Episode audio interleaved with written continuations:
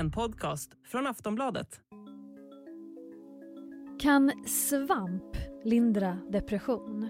Det låter märkligt, intressant och något flummigt men just nu är forskningen kring psykedeliska substanser och deras användningsområden högaktuell. Svampen har lämnat hippieodlingarna och ploppar nu upp som ingrediens i olika medicinexperiment. Techmiljardärer i exempelvis Silicon Valley investerar mångmiljonbelopp och många tror att just psykedeliska substanser kan vara framtiden vid behandling av depression och andra psykiska åkommor. Andra menar att det här mest är en farlig lek med människors hjärnor och att biverkningarna är för många och allvarliga. Idag ska vi dyka ner i forskningsbubblan kring psykedeliska substanser. Var går egentligen gränsen mellan drog och medicin? Hur skulle en behandling med psykedelika se ut? Vilka är de största riskerna? Och hur långt befinner sig svampsubstansen psilocybin från svenska apotek? Det ska vi prata om i dagens Aftonbladet Daily. Jag heter Olivia Svensson. Gäst i det här avsnittet är Per Karlbring, professor i klinisk psykologi vid Stockholms universitet och styrelsemedlem i Osmond Foundation som stöttar psykedelisk forskning.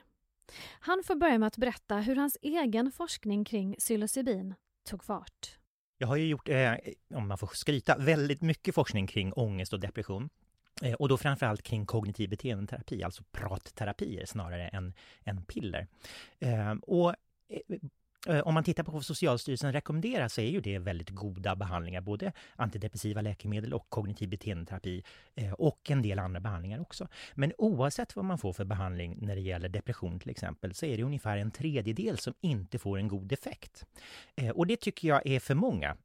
Så jag är väldigt glad för de, de två tredjedelarna som vi kan hjälpa, men det finns ju ändå den här väldigt, väldigt stora delen då, andelen som inte får en god effekt. Och det är de jag är intresserad av att hjälpa.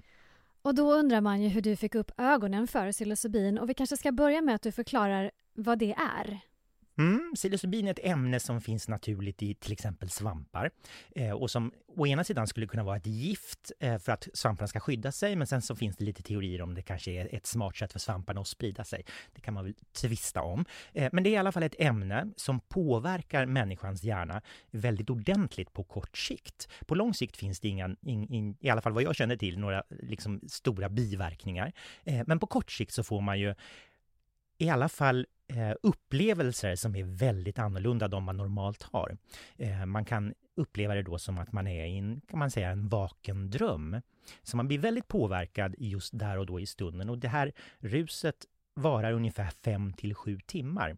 Och under tiden så kan man få syner eh, och eh, man kan också få upplevelser. Och det är väl det som är eh, det mest intressanta här, att man liksom kan få upplevelser, aha-upplevelser, eh, som man sen ehm, när man efteråt, för vi kanske kan prata lite grann om, om, hur själva terapin går till, men, men kort sagt så skulle man kunna säga, vad är psilocybin? Ja, men det är ett ämne som finns till exempel då i svampar. Mm. Och hur fick du in det i din forskning? Eh, som jag förstår det så är det, eh, har det liksom kommit in som en, en ny grej, en ny upptäckt där man har sett effekter just när det gäller depression. Mm. Precis, man kan väl säga en, en, ny och ny. Det här har ju funnits sedan sen väldigt lång tid tillbaka. Det är ju liksom naturliga ämnen. Det har använts av, av naturbefolkningar till exempel. Men eh, under 70-talet så fanns det väldigt mycket forskning, men sen så kom den i dålig dager på goda grunder. Eh, och sen så har det varit ett... ett den användes liksom... som en drog helt enkelt? Enkelt. Ja, precis. Det var, en, eh, det var liksom ingen skillnad mellan vad är, vad är eh, användning av eh, eh det här i liksom eh, för eget, eget nöjes skull. Eh, så då dog forskningen ut och sen så kom den tillbaka ungefär 2006 och sen dess har det kommit fler och fler studier. Eh, och det är det här som jag har, har intresserat mig av då. Sen 2006 så, så kan man se att i de fall det går bra i behandlingen så kan behandlingen vara otroligt snabb. Det kan vara så att man istället för att, att gå i terapi eller, eller få antidepressiva läkemedel så, så tar det liksom veckor innan man får en god effekt. Medan här då när det gäller psilocybin till exempel, så skulle man kunna få en, nästan bli frisk bara på några dagar. Men när man tänker då att psilocybin ges som medicin, hur ser det ut rent praktiskt? Mm. Hur, tar man, hur intar man den? Precis, och det är ju en jättestor skillnad mellan att ta det här i liksom terapeutiskt syfte eller ta det i, i ett annat syfte. Eh, och när det gäller terapeutiskt syfte så är det viktigt då att man inte bara ser det här som att man tar ett piller och sen är det klart, utan innan så träffar man sin terapeut, får god kontakt med den här personen, för det är viktigt att man har en, en, liksom en man känner sig trygg med den här personen som ska vara med en under den här trippen. Så man, man brukar träffa den personen två, tre gånger. Eh, pratar också om vad man har för intentioner, varför vill man göra det här? Och sen när det väl är dags för den här liksom, trippen så varar den i fem till sju timmar ungefär, lite grann beroende på vad man har för metabolism. Eh, och då så brukar man ligga ner, man brukar ha en ögonbindel och man brukar lyssna på en speciell musik. Och hela idén med det här är att man liksom ska gå inåt i sig själv och, och tillåta att upplevelser kommer till en och att man liksom går in och följer med de här upplevelserna. Och det är alltså fem till sju timmar. Då brukar man, i alla fall i forskning, då, ha två stycken personer som är med. Oftast en, en man och en kvinna så att det inte ska finnas något, något liksom problematik med sexuellt utnyttjande. För man är ju väldigt, väldigt utelämnad under de här Eh, 57 timmarna. Eh, och när den här trippen väl har varat så brukar man komma tillbaka flera gånger och det kallas integrationssessioner. Och det brukar kunna vara en, en, en, två, tre, fyra, kanske upp till fem gånger. Och hela idén med de här integrationssessionerna, och den första brukar vara dagen efter, eh, är att man ska prata om vad man har upplevt och sen försöka se hur de här upplevelserna och insikterna man har fått, hur man kan omsätta dem i beteendeförändringar i vardagen. Men när du säger då, du använder ordet tripp och du pratar om musik, det låter ju lite hippie och lite 70-tal. Vad är det för musik till exempel som används då? Det, det kan man eh, faktiskt eh, eh titta på, eh, söka på eh, psilocybin eh, på till exempel Spotify och så finns det eh, liksom de här eh, listorna då som man har, särskilda musikspellistor som finns på eh, i, i de här studierna. så det kan man testa själv och det man kommer att märka då om man lyssnar är att det är instrumentell musik musik. Alltså det är inte eh, så att, att det är någon som sjunger någonting, utan eh, oftast i alla fall inte. Eh, utan eh, väldigt mycket att det ska ge en, en skjuts in i att uppleva saker och att man liksom ska ja, men hjälper fantasin, skulle man kunna säga, eh, och få en skjuts att, att eh, uppleva olika saker. Aftonbladet Daily är strax tillbaka.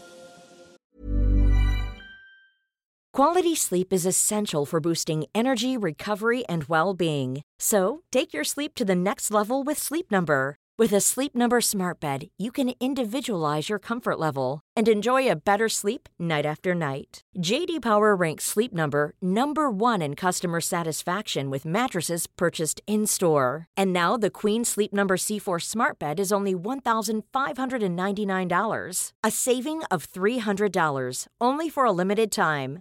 For JD Power 2023 award information, visit jdpower.com/awards. Only at Sleep Number stores or sleepnumber.com.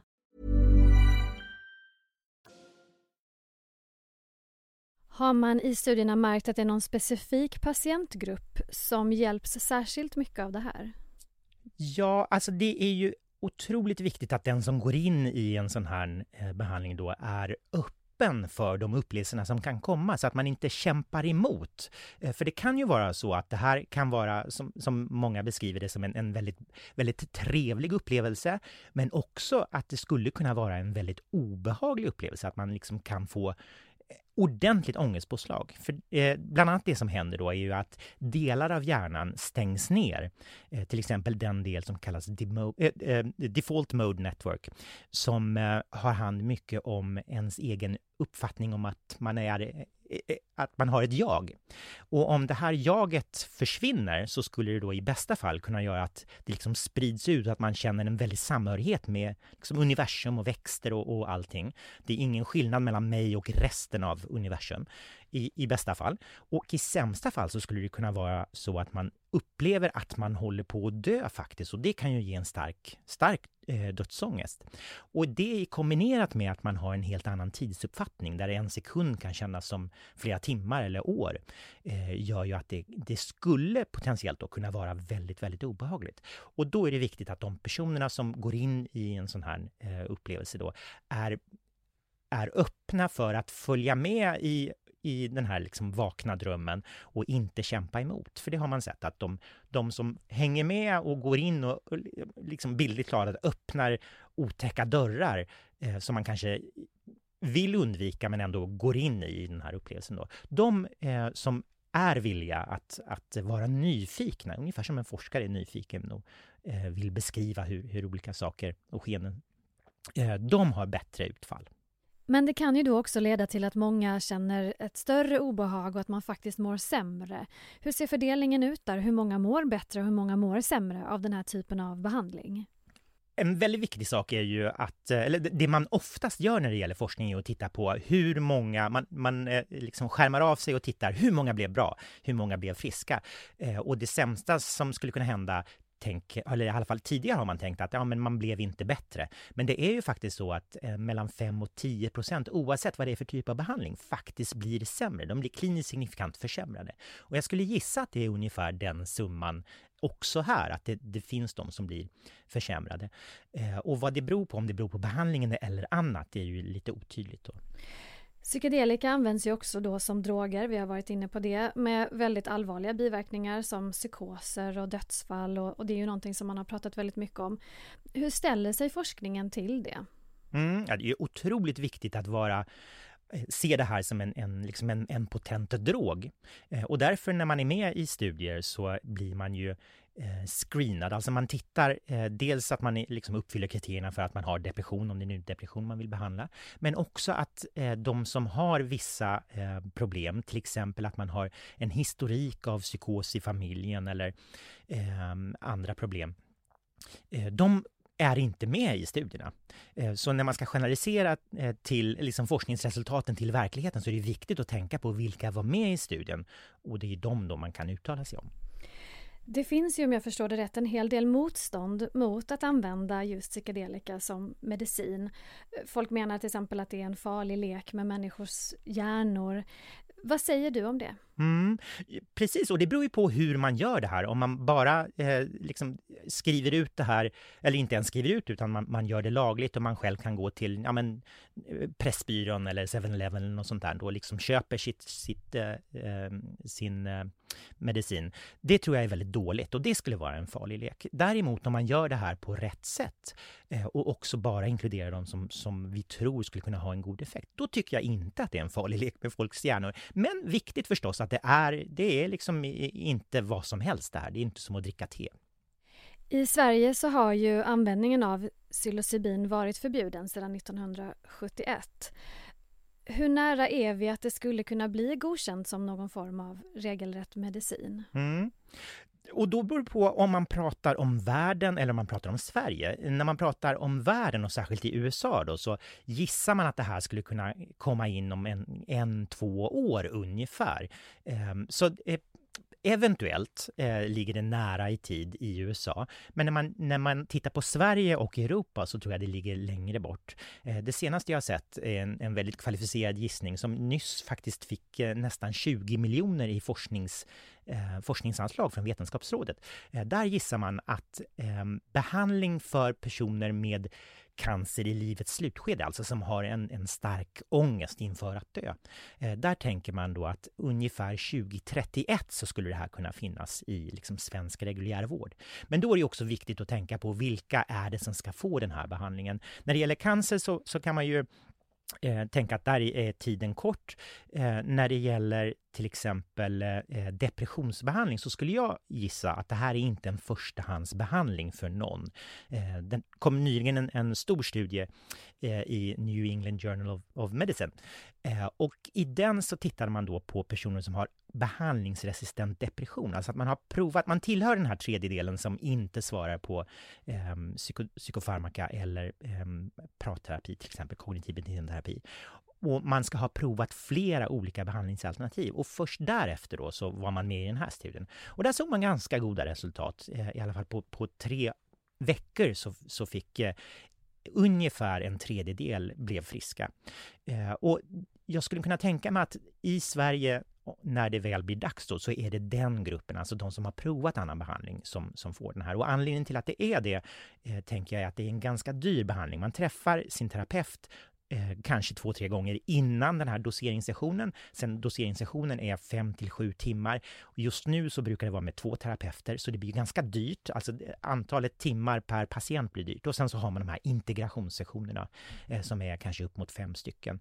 Så på kort sikt väldigt dyrt. Å andra sidan, om man skulle räkna Eh, på hälsoekonomi så skulle man kunna tänka sig att det går att räkna hem det här, eh, den, den liksom initiala dyra kostnaden i, i livskvalitetshöjning och eh, ehm, om man tänker produktionsbortfall försvinner ju kanske om man snabbare kan, kan komma tillbaka till arbetet. Men eh, på kort sikt eh, har vi det här inte i Sverige, men det kan komma längre fram och då inte som en, en förstahandsbehandling.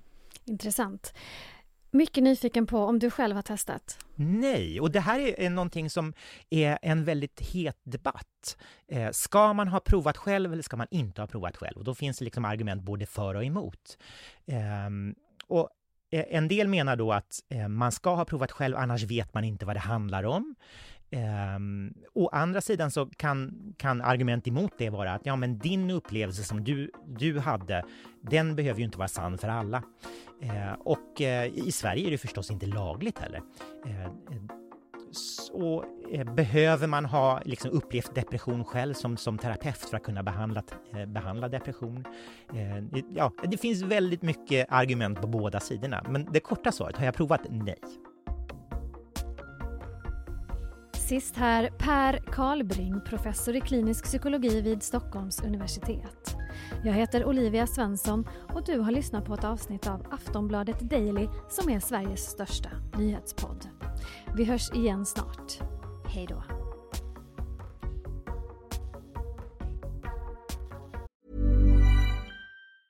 Getting engaged is a moment worth cherishing. A one-of-a-kind ring that you design at Blue Nile can help your love sparkle. Just choose your diamond and setting. When you've found the one, you'll get it delivered right to your door. Finding the right engagement ring can be nerve wracking. At Blue Nile, you'll have the expert guidance needed and a diamond guarantee that ensures you're getting the highest quality at the best price. Cherish all of life's moments and save up to 30% at BlueNile.com. That's BlueNile.com. Du har lyssnat på en podcast från Aftonbladet. Ansvarig utgivare är Lena K Samuelsson.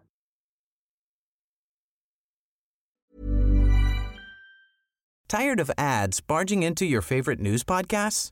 Good news. Ad-free listening is available on Amazon Music. For all the music plus top podcasts included with your Prime membership. Stay up to date on everything newsworthy by downloading the Amazon Music app for free or go to amazon.com slash news ad free. That's amazon.com slash news ad free to catch up on the latest episodes without the ads.